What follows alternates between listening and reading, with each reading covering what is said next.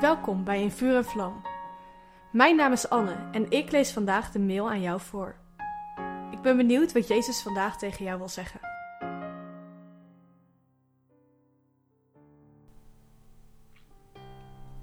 De vorige keer hebben we gelezen dat uit ons geloof ook onze daden volgen. Ik benoemde al even dat onze gedragsverandering komt vanuit onze eigen ontmoeting met God. Jezus spreekt daar ook over in Johannes 15. Hij spreekt zijn discipelen toe. Blijf in mij en ik in u. Zoals de rank geen vrucht kan dragen uit zichzelf, als zij niet in de wijnstok blijft, zo ook u niet als u niet in mij blijft. Ik ben de wijnstok en u bent de ranken. Wie in mij blijft en ik in hem, die draagt veel vrucht, want zonder mij kunt u niets doen. Dit staat in Johannes 15, vers 4 en 5. Hoe blijven we in Jezus? Ik wil je graag drie manieren laten zien. Ten eerste, bidden. Communicatie is het belangrijkste aspect van een relatie. Wanneer wij bidden, praten we met God. Dat kan niet alleen voor het eten of het slapen gaan, maar de hele dag door.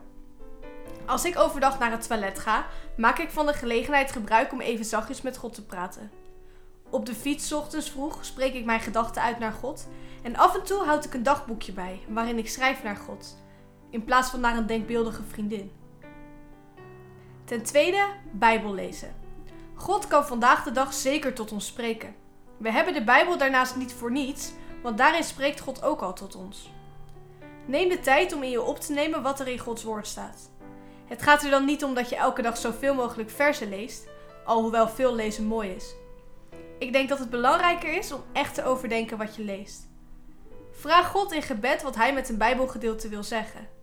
Lees het stuk meerdere keren en overdenk het door de dag heen. Hoe kan jij het in je eigen leven toepassen?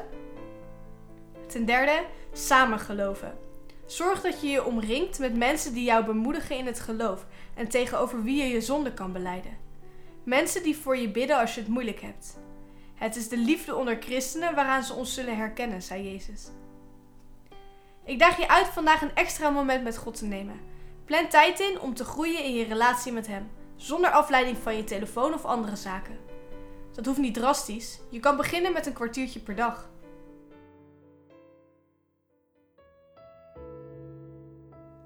Wat leuk dat je hebt geluisterd naar In Vuur en Vlam. Heeft de tekst je geholpen om God beter te leren kennen? Deel In Vuur en Vlam dan met je vrienden. Meld ze aan op streef.nl slash in vuur en vlam.